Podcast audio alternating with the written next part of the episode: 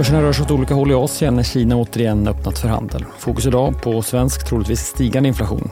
Jag heter Alexander Klar. Du lyssnar på det i Morgonkoll. Det är måndag den 19 februari. de kinesiska börserna är öppna igen efter en veckas nedstängning. Fastlandskinas börser är upp medan Hongkong som var öppet halva förra veckan tappar en procent. Turistrelaterade aktier är relativa vinnare. Vi fick redan i förra veckan besked om att resandet i landet ökat i samband med nyårsfirandet. Ett tecken och en förhoppning om att den kinesiska konsumenten fortsatt kan överraska. I helgen höll Kinas centralbank eh, helt som väntat en av sina mindre viktiga räntor oförändrade. Tokyobörsen är närmast oförändrad, svagt nedåt. Nintendo backar av Tokyobörsen. Speltillverkaren ska enligt uppgifter till Bloomberg skjuta på lanseringen av sin nästa konsol. Det handlar om en uppföljare till spelkonsolen Switch som skulle släppas senare i år. Nu verkar det bli först om drygt ett år. Idag håller Wall Street stängt på grund av President's Day. I veckan kommer det amerikanska protokollet från den amerikanska centralbanken Fed. I helgen har två regionala Fed-chefer sagt att de ser tre räntesänkningar under året givet att inflationsnedgången fortsätter. De uttalandena är inte så uppseendeväckande utan helt i linje med den guidning som kom från Fed vid decembermötet. Sverige så och fokus på inflation här idag. Siffrorna kommer klockan åtta och väntas visa på stigande inflation. Huvudsiffran KPI väntas komma in över 5 i årstakt. KPIF, det mest föredragna måttet, väntas stiga från 2,3% senast till 3,1% nu.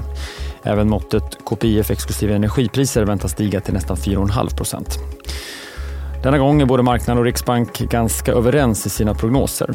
Vi fick förresten precis finsk inflation som steg med 3,3% mätt som KPI. I helgen skedde en helomvändning i den uppmärksammade affären kring skolkoncernen Academedia. Fastighetsinvesteraren Roger Akelius skulle köpa Mellby Gårds storpost i bolaget, ungefär en fjärdedel av hela bolaget.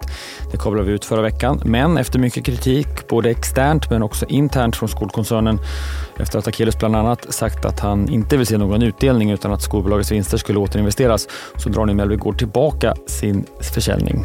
Parterna är överens om att riva kontraktet. Med andra ord förblir Mellby Gård storägare i Academedia. Läkemedelsjätten AstraZeneca har fått ett amerikanskt godkännande för att använda sitt preparat Tagrisso som redan finns i marknaden tillsammans med cellgifter för en form av lungcancer.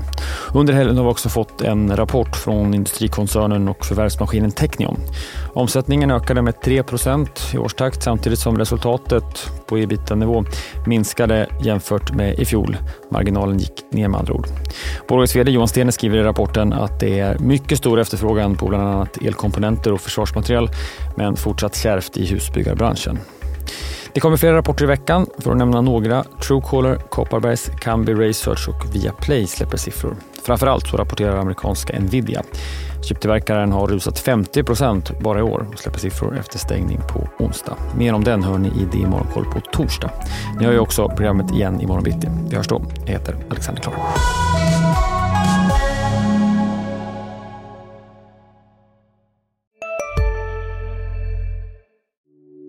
Hej, Ulf Kristersson här. På många sätt är det en mörk tid vi lever i.